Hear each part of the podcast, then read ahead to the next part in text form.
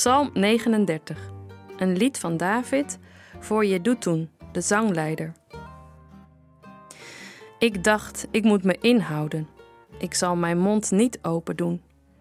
Want ik wil geen verkeerde dingen zeggen. Ik wil niet meedoen met slechte mensen.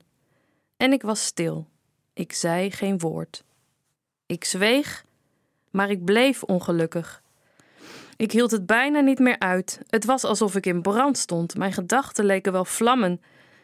En toen begon ik toch te spreken. Ik zei: Heer, zeg me wanneer ik zal sterven. Ik wil weten hoe lang ik nog leven moet. Vertel me wanneer mijn leven voorbij is. U hebt al bepaald dat het kort zal zijn. Voor u is mijn leven niets. Het verdwijnt zo snel als een schaduw. Het bestaan van een mens is zinloos. Mensen maken zich druk, maar het leidt tot niets. Als ze sterven, zijn ze alles kwijt. Heer, is er nog hoop voor mij? Ik kan alleen op u vertrouwen. Vergeef me wat ik fout gedaan heb. Laat slechte mensen mij niet uitlachen.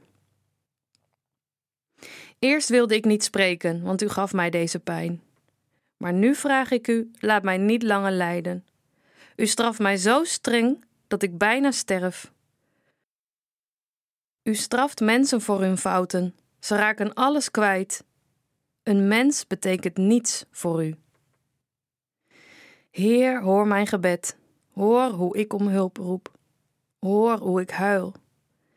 Ik ben maar kort op aarde, net zoals mijn voorouders. Ik ben hier niet voor altijd.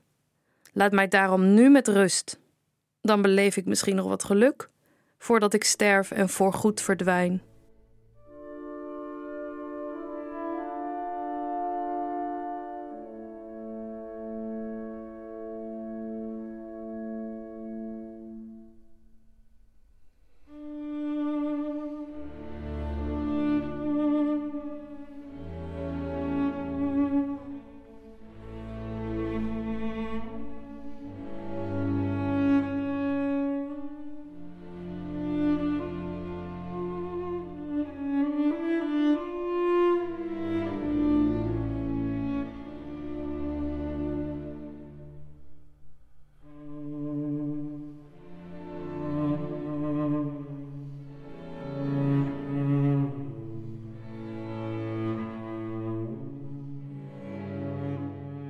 Ik zei het al eerder, over psalmen moet je misschien niet te veel nadenken. Je kunt ze woord voor woord ontleden. Je kunt erover filosoferen, over wat de tekst met je doet. Je kunt je verplaatsen in de hoofdpersoon, wat vaak behoorlijk wat moeite kost. Maar van oudsher worden ze gezongen. In het Hebreeuws door de Joden, in het Latijn in de kloosters en in je eigen taal in kerken over de hele wereld. Eeuwenlang klonken ze in kerken en kloosters als het avond wordt, als de duisternis invalt. Dan moest er gezongen worden.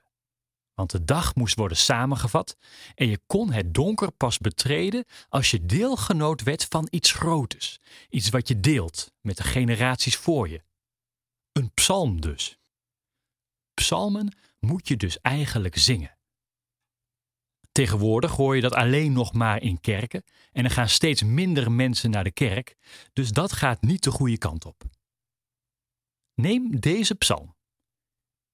Eerst was ik stil, ik zei geen woord.